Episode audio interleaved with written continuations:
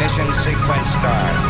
Five, four, three, two, one, zero.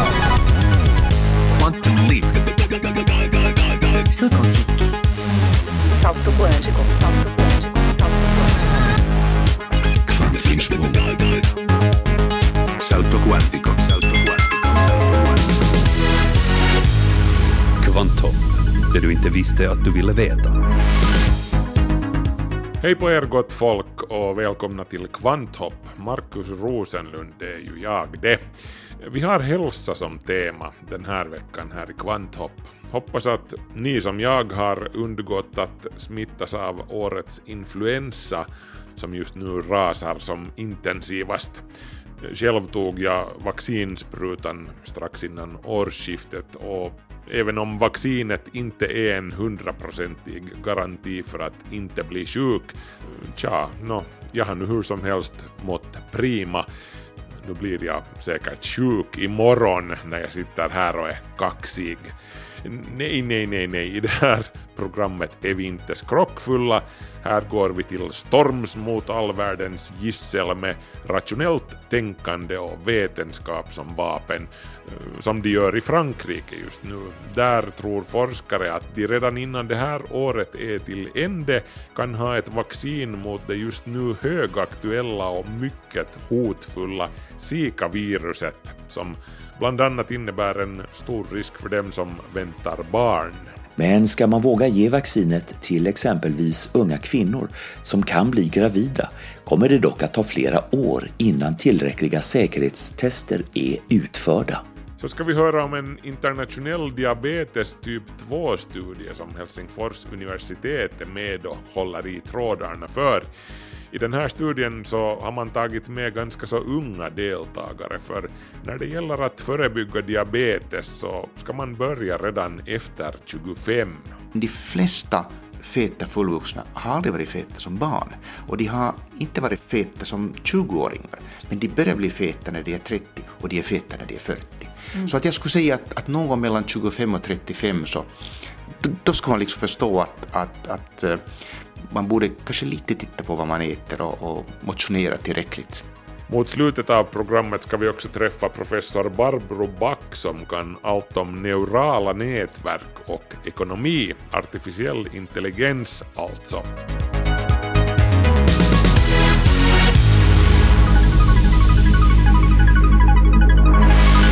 Nu är det dags för notiserna.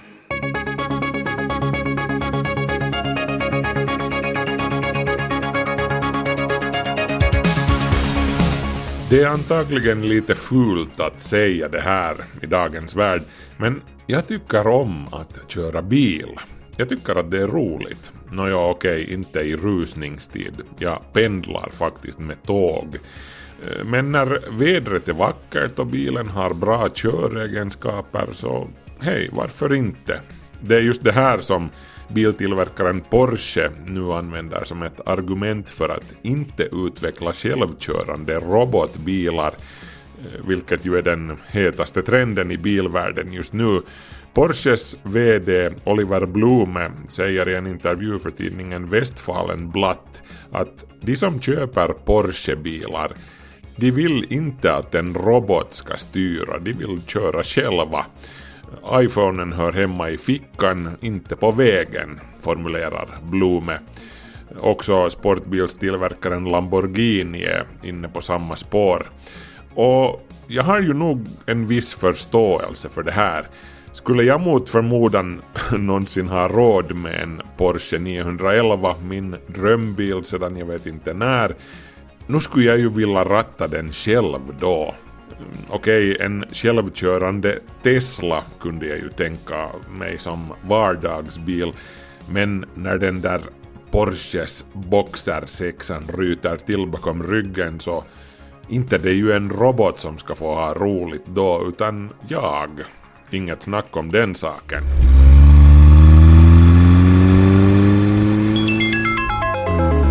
Ni vet hur det är. Man står på järnvägsperrongen eller i flygplatsterminalen och så hörs det en röst i högtalarsystemet. Från spår 4. någonting om att avgångsspåret eller gaten har ändrats, kanske. Inte hör man ju någonting över den allmänna kakofonin. Ofta är det ju så. Att personalen sen går och höjer på volymen, det hjälper inte heller. Det gör ofta bara ljudet grötigare. Språkforskare vid Fraunhofer-institutet i Tyskland har därför utvecklat en programvara, en algoritm som förbättrar hörbarheten från högtalarmeddelanden. Det hela bygger på att vokaler ofta har låga frekvenser och hörs därmed bättre.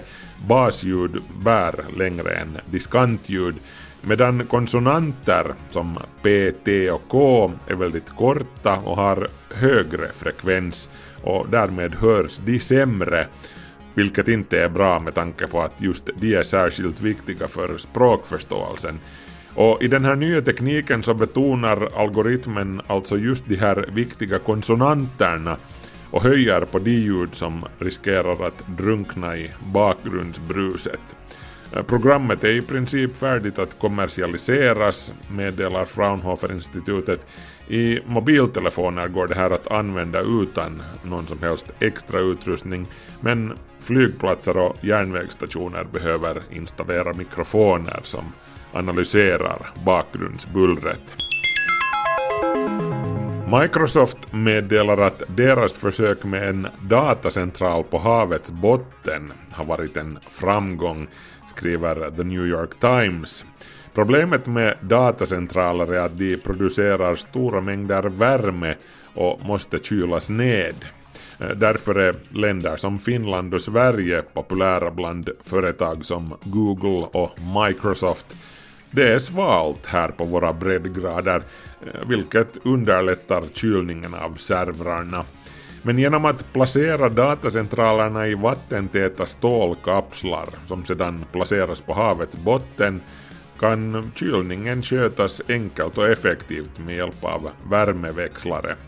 Omkring hälften av världens befolkning bor inom 200 kilometers avstånd från en kust så datakapslarna kan placeras närmare användarna vilket ger snabbare dataöverföring.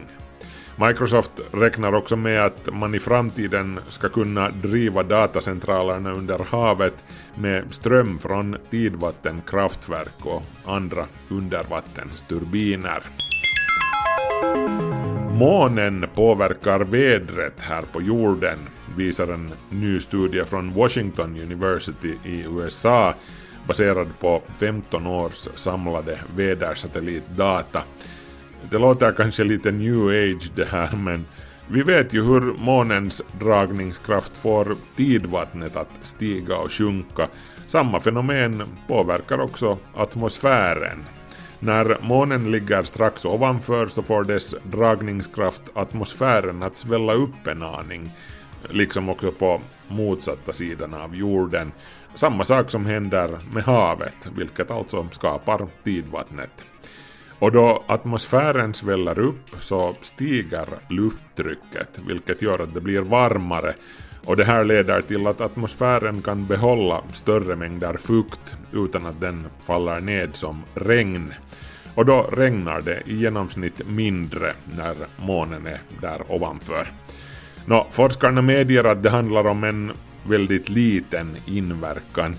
En procents ökning eller minskning av de genomsnittliga regnmängderna beroende på om månen är ovan eller nedan. Det är inte så att du eller jag ens nödvändigtvis märker det.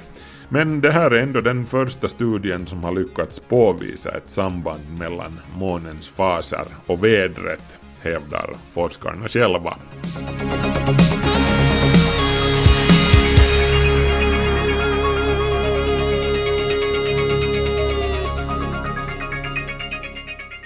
Så ska jag ännu påminna er om att det igen är dags för Teknatur, tävlingen i teknik och naturvetenskap för högstadieelever och gymnasister i de finlandssvenska skolorna.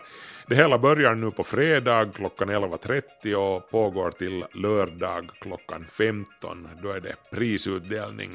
Och det är på Arkada i Helsingfors som det här går av stapeln. Adressen är Jan Magnus Janssons plats 1.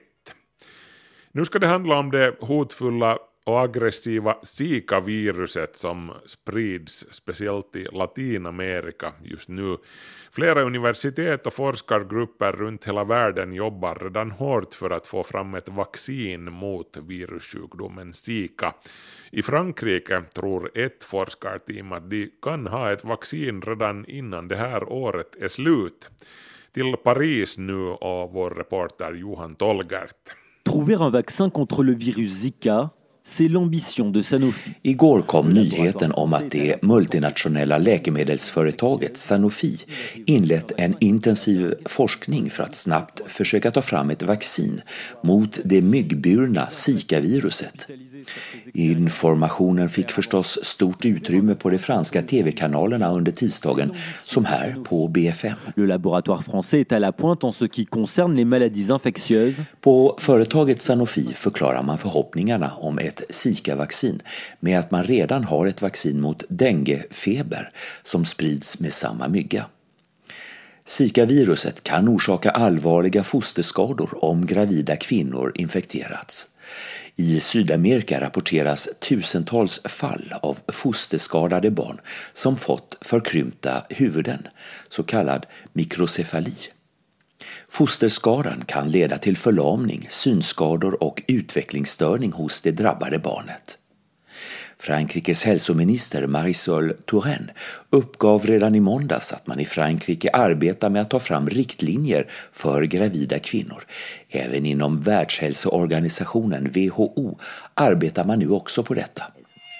Euh, J'ai engagé une stratégie euh, très volontariste et forte pour que les femmes enceintes ou ayant un projet de grossesse qui habitent dans les Zika-viruset sprids av mygg, främst i Latinamerika. I Brasilien tros över 3700 barn under senare tid ha fötts med för små huvuden, mikrocefali. Och det orsakas av att hjärnans tillväxt störs redan under fosterlivet och de första levnadsåren. Brasiliens hälsominister har gått ut med uppmaningen att gravida kvinnor absolut inte bör besöka de olympiska spelen i Rio de Janeiro i sommar. Sammanlagt har myndigheter i 24 länder i Syd och Mellanamerika rapporterat Zika-fall. I Finland har inget fall rapporterats ännu och trots att fem resenärer ska ha fört med sig viruset till Frankrike säger forskaren Frédéric Tanguy på Pasteurinstitutet i Paris att befolkningen i Europa inte bör oroa sig för tillfället. Ici en Europe, on est en hiver. Il n'y a pas beaucoup de moustiques l'hiver. Donc il y a peu de chances, même si des cas infectés arrivent. Myggan tycker om värme och fuktighet. Än så länge är det för kallt här i Europa för att myggor ska kunna sprida Zika-viruset på vår kontinent, säger han. Men på de franska öarna Guadeloupe och Martinique oroar viruset. Också där har myndigheterna uppmanat gravida kvinnor att inte åka till den kommande fransk-kanadensiska Davis Cup-tennismatchen som ska hållas på Guadeloupe i mars. I lilla landet El Salvador har myndigheterna i sin tur rekommenderat kvinnor att inte bli gravida under de två kommande åren. 80 procent av de smittade känner inga andra symptom än feber, huvudvärk och hudutslag. Fast ibland kan sjukdomen leda till svåra neurologiska komplikationer, upplyser Margaret Chan, WHOs generaldirektör om. In humans, Zika occasionally cause a mild disease of low concern. Företaget Sanofi har alltså redan ett vaccin mot denguefeber, en infektion som påminner om den som Zika-viruset ger. Dengueviruset sprids genom stickmyggor. Detta viruset kan orsaka kraftiga led och muskelsmärtor och ge feber och huvudvärk och mässingsliknande hudutslag, säger Valentine Delorme på Sanofi. Cette première autorisation de mise sur le marché qui a été accordée par la COFEPRIS donc hier, qui est euh, l'autorité réglementaire euh, mexicaine. Dengue-vaccinet tilläts för kommersiellt bruk första gången i Mexiko för så sent som i januari i år. Forskningen har kostat företaget en och en halv miljard euro och det har tagit forskarna ungefär 20 år att ta fram vaccinet, upplyser Valentine Delorme om. Après 20 ans de, de travail acharné, donc c'est le, le, temps du développement de ce vaccin contre la dengue, on a cette première autorisation de mise sur le marché. Enligt uppgifter i fransk media hoppas man kunna få fram ett Zika-vaccin redan innan årets slut. Men ska man våga ge vaccinet till exempelvis unga kvinnor som kan bli gravida kommer det dock att ta flera år innan tillräckliga säkerhetstester är utförda. Många minns givetvis de allvarliga biverkningar som svininfluensavaccinet orsakat med narkolepsi. På franska nyhetskanalen BFM upplyser man om att Zika-myggan varit känd i Afrika sedan 1950-talet. Men då dess spridningsområde tidigare varit begränsat har läkemedelsföretagen inte varit intresserade av att finna ett vaccin. Il a développé un vaccin contre la dengue un virus très proche de Zika. Nu när mellan 3 till 4 miljoner människor riskerar att bli smittade av stickmyggan enbart i år, då de saknar immunitet, tar det fart hos läkemedelsföretagen. Även brittiska GlaxoSmithKline har gått ut med att man vill få fram ett Zika-vaccin. De forskare som får fram ett vaccin kan räkna med en miljardvinst för företaget, skriver fransk press. Viruset härstammar från skogen Sika i Uganda och upptäcktes först i apor 1947, säger Margaret Chan, WHOs generaldirektör. The Zika virus was first isolated in 1947 from a monkey in the Sika forest of Uganda. Det var i Nigeria år 1954 som viruset först noterades ha smittat en människa. Nu har WHO, Världshälsoorganisationen, beslutat att spridningen av Zika-viruset ska klassas som ett internationellt nödläge. WHO meddelar att man nu satt upp en global samordningscentral för att leda arbetet. Margaret Chan säger att även om smittan av Zika först och främst sker genom stickmyggan så måste man dock forska mer för att se om det finns andra smittvägar. Questions abound. We need to get some answers quickly. For all these reasons, Ja, I natt hävdade myndigheter i Texas oväntat att en patient har infekterats med viruset vid en sexuell kontakt. Smittbäraren hade återvänt från en resa i Venezuela. Kondom blir nu ett viktigt skydd mot Zika, säger Zachary Thompson på hälsovårdsmyndigheten i Dallas. Det var Johan Tolgard som rapporterade från Paris. Kvanthopp, det du inte visste att du ville veta. Nu ska vi hålla oss på hemmaplan, men det ska fortsätta att handla om smittsamma sjukdomar och andra hälsorisker. De flesta kontorsarbetare i Finland jobbar i kontorslandskap, ofta av ekonomiska skäl. Det blir billigare för företagen att låta folk jobba tätt tillsammans. Men forskningen visar att de här öppna utrymmena kan göra folk sjukare med högre sjukfrånvaro som följd. Risken för att arbetstagare i kontorslandskap tar sjukledigt är mycket högre än om de jobbar i egna rum. Det visar en rikssvensk studie gjord av forskaren och arkitekten Kristina Bodin Danielsson vid Stockholms universitet. En dansk studie har också kommit fram till liknande resultat. Bodin Danielsson granskade arbetstagare i sju olika kontorstyper, bland annat i små, mellanstora och stora kontorslandskap. För korttidssjukfrånvaro fanns det förhöjd risk, signifikant förhöjd risk i de traditionella kontorslandskapen. Då är det, då är det här lilla, mellanstora och stora. Alla tre hade förhöjd risk. Risken för sjukfrånvaro var nästan dubbelt så hög bland de som jobbade i kontorslandskap jämfört med de som hade egna kontor.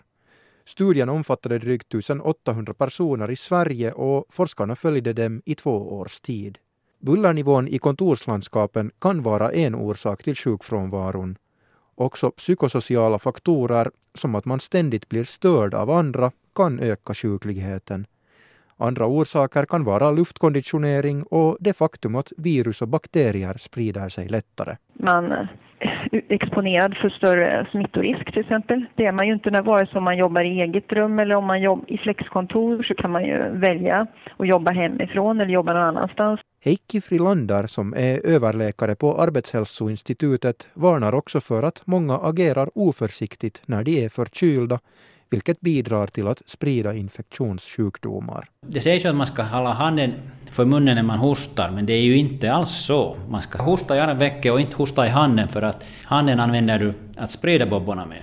Studien visade också att för män var traditionella kontorslandskap inte lika illa som så kallade flexkontor, där man flyttar runt, till exempel beroende på vad man gör just den dagen. Så det verkar som för män, det är en riskfaktor att inte ha en egen plats. Medan för alltså, kvinnor har det inte, inte alls. Kvinnor verkar inte bekymra sig över det. Bodin Danielsson preciserar att om en man inte har sin egen arbetsstation kan han uppleva det som att han tappar i status och det får negativa konsekvenser för hälsan. Hon betonar dessutom att tysta miljöer är av stor betydelse på jobbet.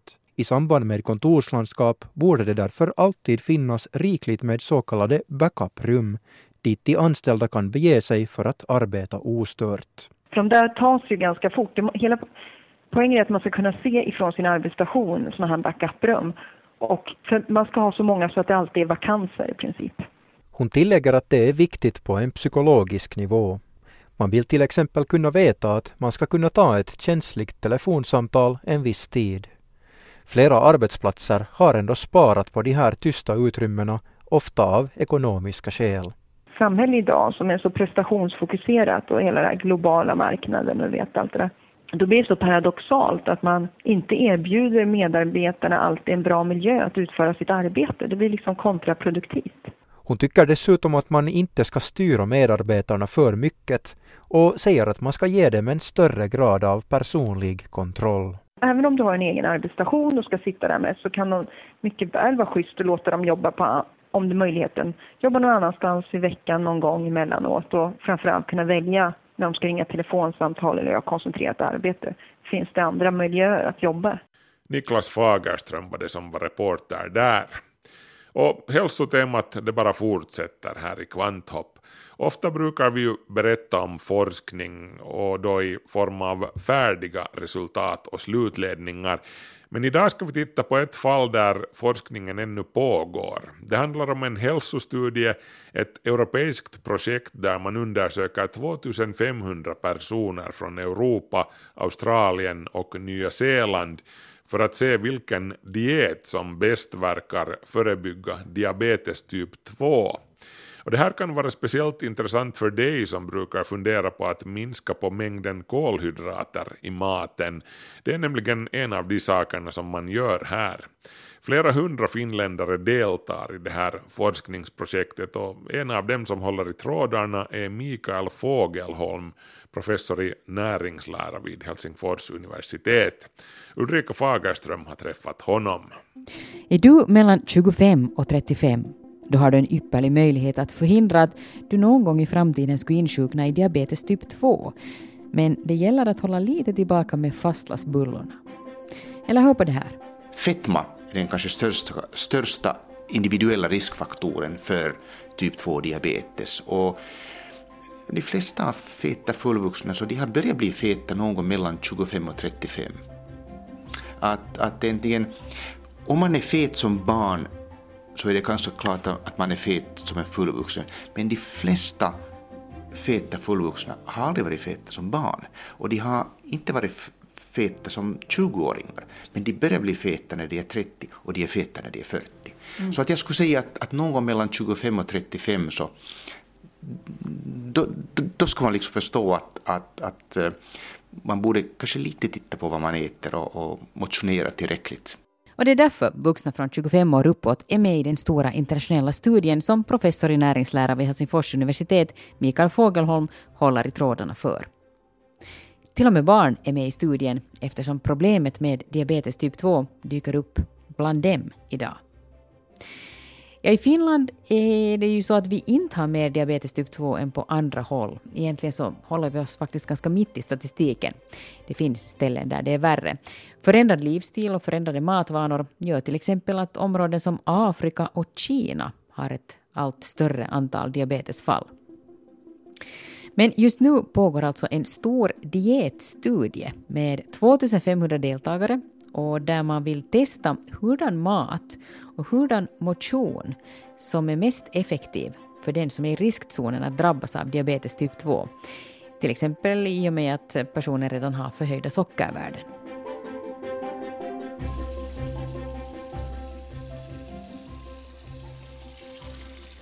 De traditionella dietråden för en person med diabetes typ 2 är, enligt Mikael Fogelholm, en kost med mycket fiber och kolhydrater och lite fett.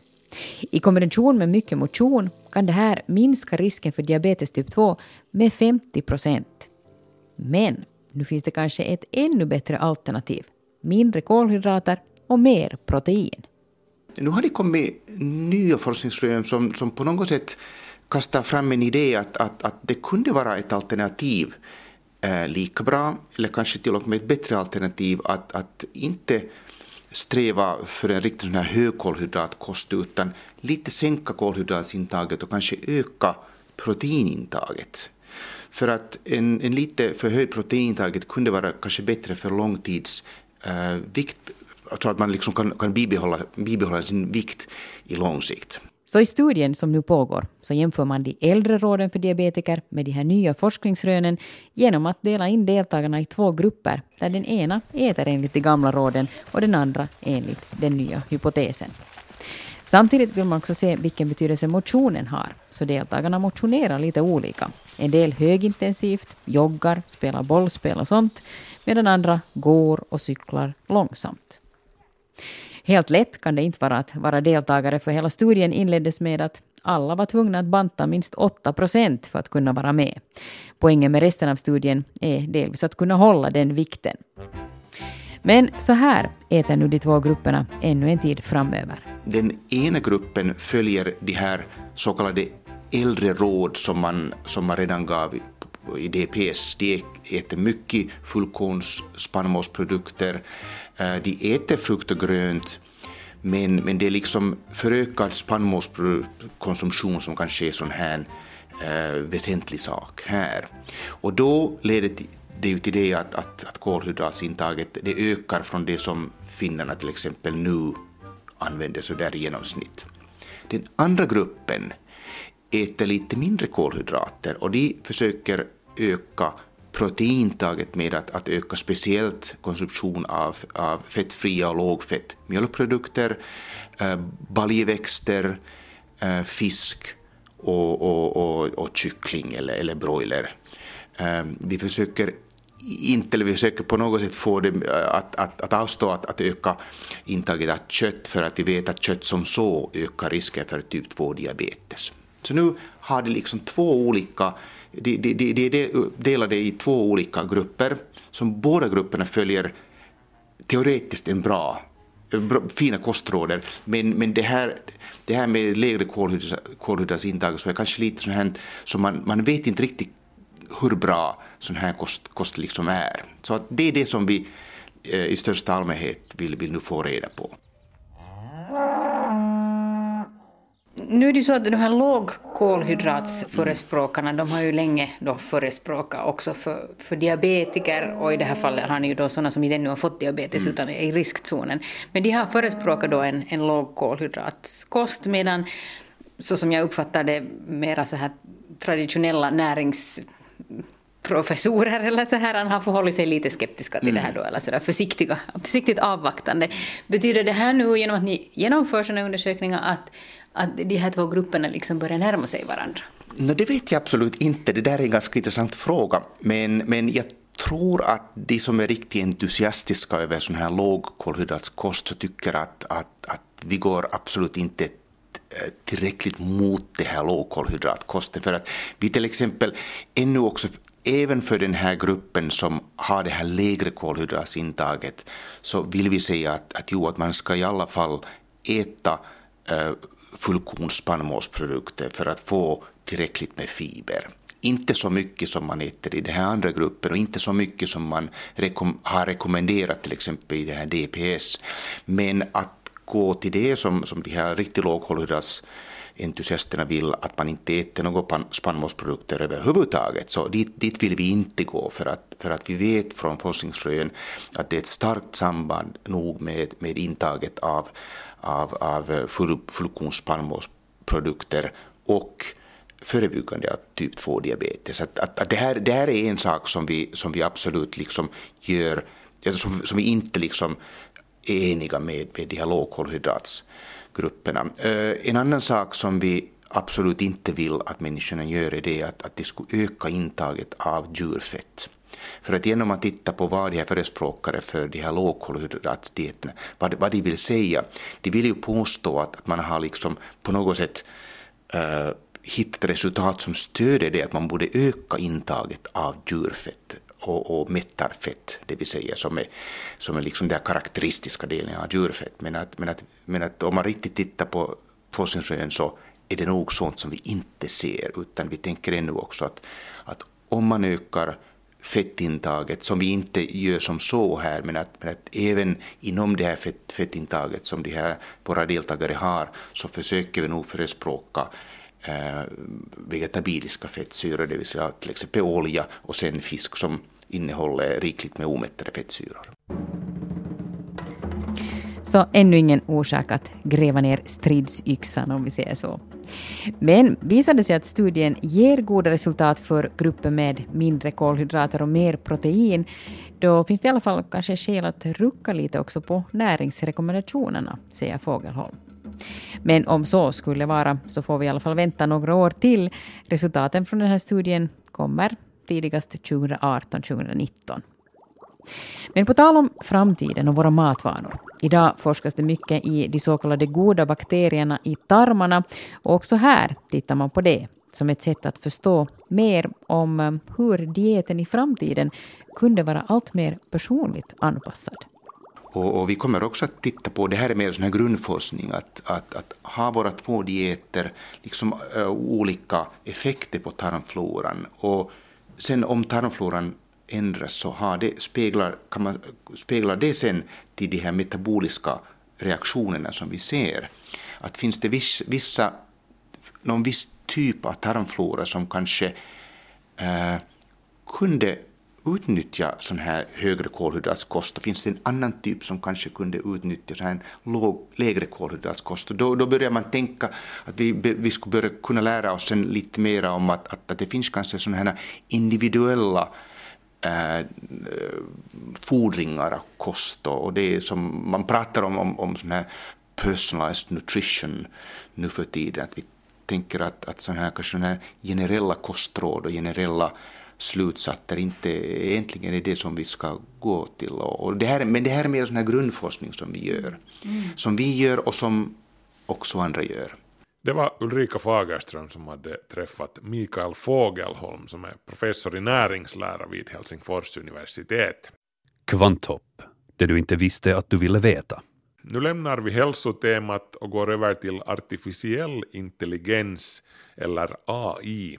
Neurala nätverk i datorer och system kan både det ena och det andra och är väldigt bra på det de gör. Kloka är de ändå inte, ännu åtminstone.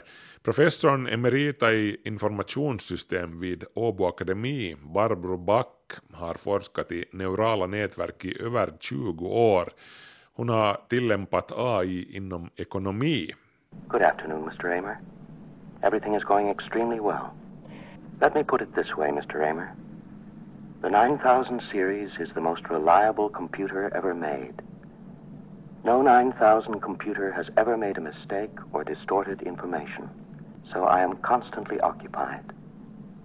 I am putting myself to the fullest possible use, which is all I think that any conscious entity can ever hope to do. Sen när datorn börjar tala till dig så där så kan det hända att det redan för ett tag sedan borde ha ringt en eller två varningsklockor. Rymdskeppsdatorn HAL 9000 i filmen 2001, ett rymdäventyr från 1968, blev paranoid och gillade inte alls att astronauten lade sig i och det blev farligt för astronauten. Men AI på hög nivå, det var det. Idag är vi långt ifrån att uppleva någonting liknande, men datorsystem med artificiell intelligens, AI, utvecklas med stormsteg och klarar av allt mer avancerade uppgifter och kan i viss mån lära sig själva. Och det gäller inte bara robotar, det gäller en massa olika system som används för en massa olika saker. Barbro Backe, professor i informationssystem på Åbo Akademi, hon började redan på 1980-talet tillämpa AI inom redovisning, företagsekonomi och statistik. Hon var en pionjär på området som var i början av utvecklingen i Finland och sedan dess har hon forskat i neurala nätverk inom företagsekonomi. Det är till exempel system som avgör om du får lån eller inte, eller som avgör om ett företag kommer att gå i konkurs eller inte. De finns som alla möjliga assisterande system och, och jobbar så där i bakgrunden och man vet faktiskt inte om dem. Men jag tror att det kommer att komma en ny våg av dem i, i framtiden. För att när det svåra med dem var att den här informationen skulle, skulle liksom explicit matas in i datorn i form av regler och fakta och olika sorters heuristiska modeller. Och det var ganska tidskrävande att mata in den där informationen i datorn. Och det enda sättet har varit att, att skriva in den. Men nu när man kommer att kunna börja tala till datorn och den kan omforma det sen till sitt språk, datorn, så, så kommer det liksom att bli mycket, mycket snabbare att mata in information, också sån här expertinformation, sån här heuristisk information som experter sitter inne med. Så jag tror att vi får en ny våg av den. Du har mikrofoner lite här och där och kameror plus att datorerna är kopplade till samma system så då bara funkar det där så att du får ut vad du vill. No, jo, jag har sett sådana här science fictions filmer som, som lite beskriver ja, det här. Kommer, jo, jo, jo, ja, ja, det är säkert den, kanske inte ännu den andra, men den tredje vågen sen så är det mm. kanske där. Mm, när du talar om tredje vågen så hurdant perspektiv är det då? Ja, det är alltid jättesvårt att säga. Men, men jag tror nog att den här andra vågen ska vara ganska nära. Att det igen blir populära på ett annat sätt än vad de nu är, liksom att de jobbar där i bakgrunden, men de kanske får en mer framträdande roll. Mm. Då är kanske också de här neurala, neurala nätverken i en, en nyckelposition. De jobbar ju lite annorlunda och det var därför som det var, har varit lätt att jobba med dem för att, att uh, vi har så hemskt, eller vi har så väldigt mycket data nu då i på alla servrar och i molnet och, och överallt. Och det matas in hela tiden och, och, den här mängden växer med en otrolig fart och den gömmer ju förstås en massa information. Och, och de här neurala nätverken är då en metod att, att liksom på basen av data hitta då sådana strukturer i den här datamängden. Där är inte liksom den här kunskapen explicit, utan nu är den implicit i datorn i form av den där datamängden. Men vi har då avancerade metoder, vilka neurala nätverk är, att, att då få ordning på den här datan och, och hitta mönster i den och, och sen på basen av det här kunna ge olika utsagor om. Det är inte så, så som vi tänker hela vår hjärna. No, ja, det, det, det, det sägs ju att no, ingen vet sådär ännu exakt hur vår hjärna fungerar men närmare kommer vi ju där också och, och någonting av det här finns i vår hjärna, associationer och, och allt det här, det vet vi. Så på samma sätt fungerar det här. Och det här är matematik med funktioner som ger gränsvärden och en viss betydelse åt vissa saker man kategoriserat på förhand. Som ett företags soliditet inkomster, utgifter och annat som kan anses vara viktigt för att avgöra hur företaget kommer att klara sig. Det neurala nätverket kan själv justera värden så det stämmer överens med vad man vill ha för resultat. Det finns system man måste lära upp med att säga till om det är rätt eller fel, men andra system lär sig med att själv justera beräkningarna. Det är liksom att skicka in vissa värden, sedan grubblar datorn fram och tillbaka på det och så kommer den med ett svar. Det är sådana system som är de mest avancerade inom artificiell intelligens i dagens läge. Tidigare system baserade sig på strikta regler och det var lätt att kolla hur systemet kom fram till ett resultat, även om det var ett komplext system med massor av uträkningar och systemprocesser. Men neurala nätverk är inte så lätta att förstå när de börjar jobba. Det är lite som när man försöker komma ihåg någonting men inte riktigt få tag på det och så vips är det där.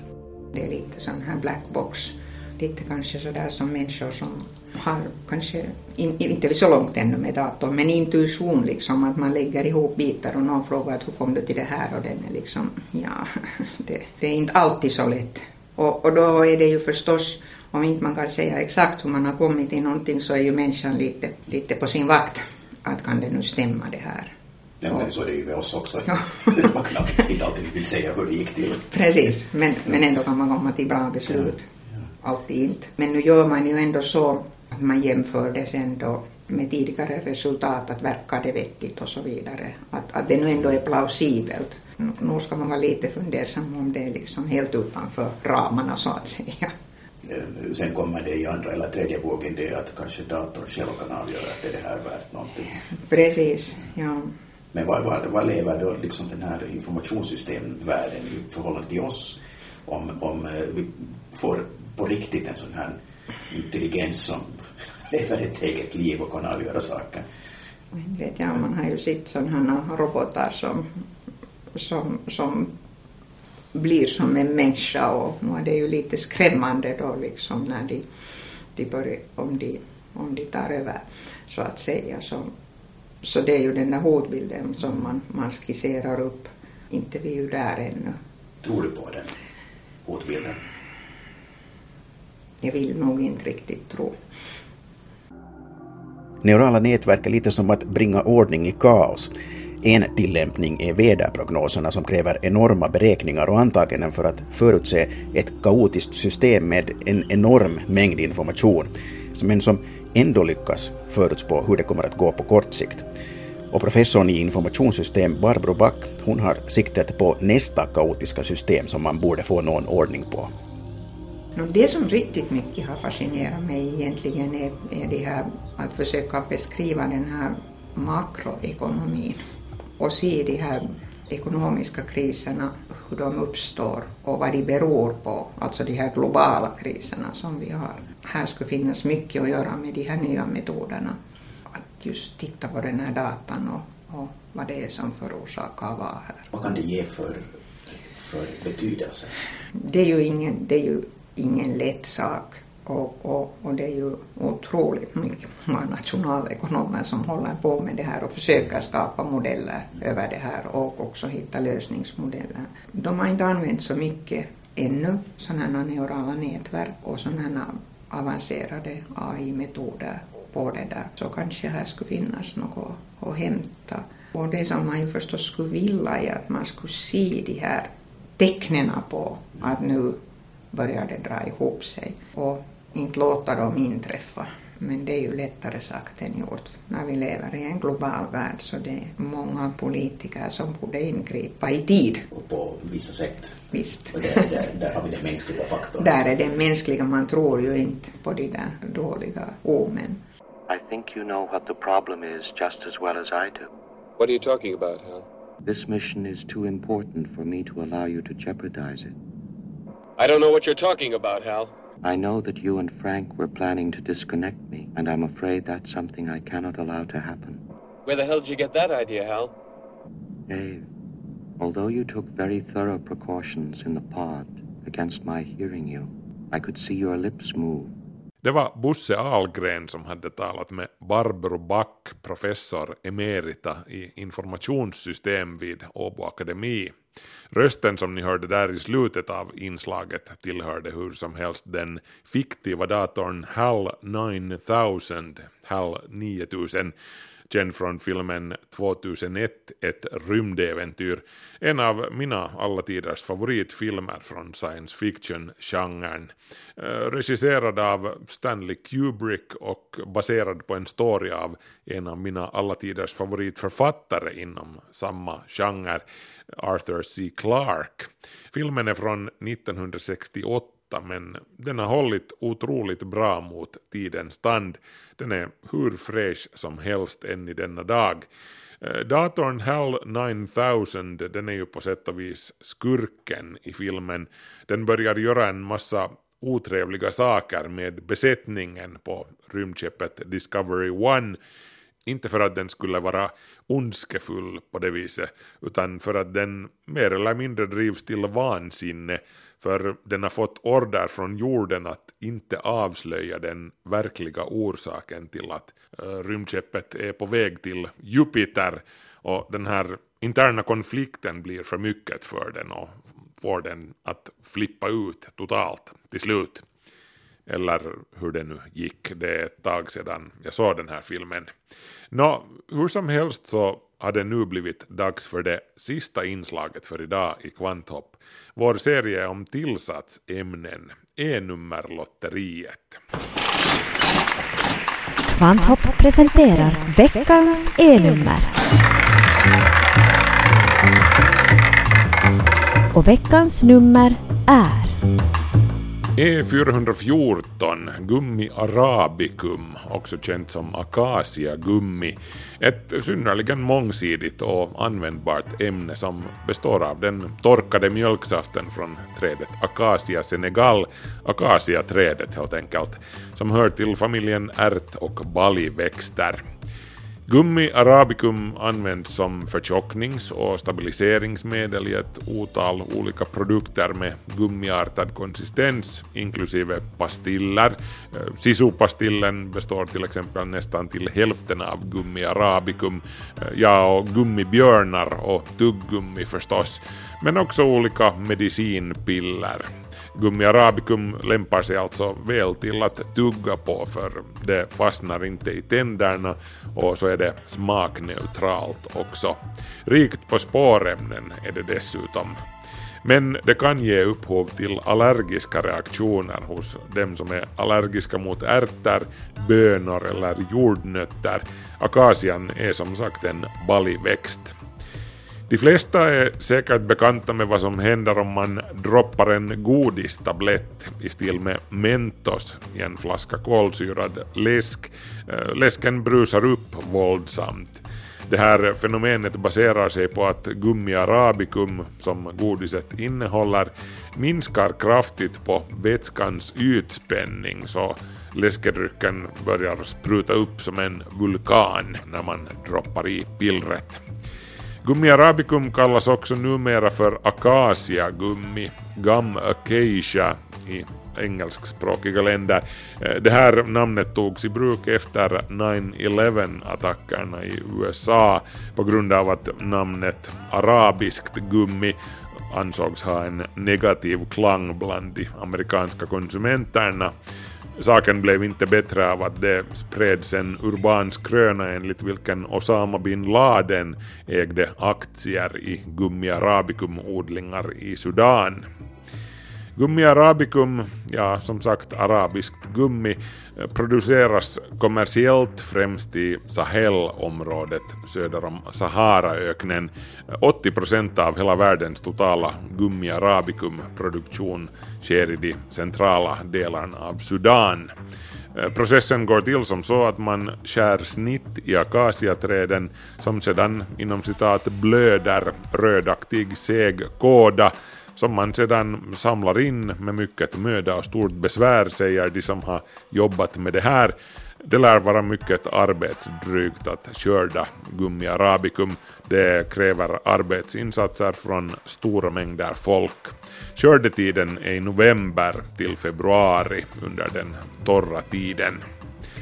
Förutom i godis och livsmedel används gummi arabicum också flitigt av till exempel konstnärer och folk som sysslar med litografi och målning.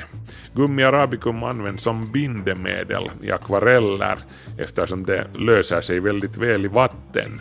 Gummi arabicum fungerar som ett lim som fäster färgpigmenten i akvarellfärgen vid pappret när vattnet i färgen har torkat bort. Just på grund av att det fungerar som ett klister så används gummi arabicum till exempel i frimärken och kuvert. Det där som du slickar på för att tillsluta ett kuvert, gummi arabicum är det.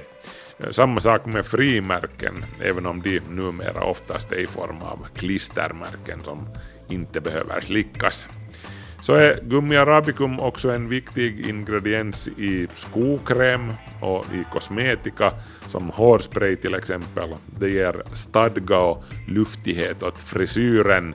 Eh, föredrar du naturens egna produkter framom syntetiska så ska du fråga efter hårsprayer som inte innehåller syntetiskt gummi som PVC utan uttryckligen gummi arabicum.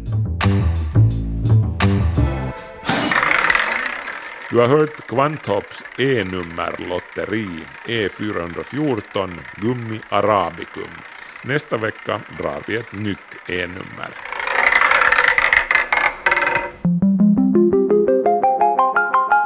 Kvanthopp, det du inte visste att du ville veta. Och det var det för den här veckan. Vi är tillbaka med ett nytt kvanthopp nästa vecka och i väntan på det så kan ni ju titta in på vår Facebook-sida som har snäppet under tusen gillare just nu. Eh, du kan ju till exempel bjuda in en kompis och den som blir den tusende gillaren så lovar jag att bjuda på kaffe och bulla här i Böle ifall personen har vägarna förbi. Men nu är det tack och hej för den här gången. Markus Rosenlund heter jag. Ha det bra!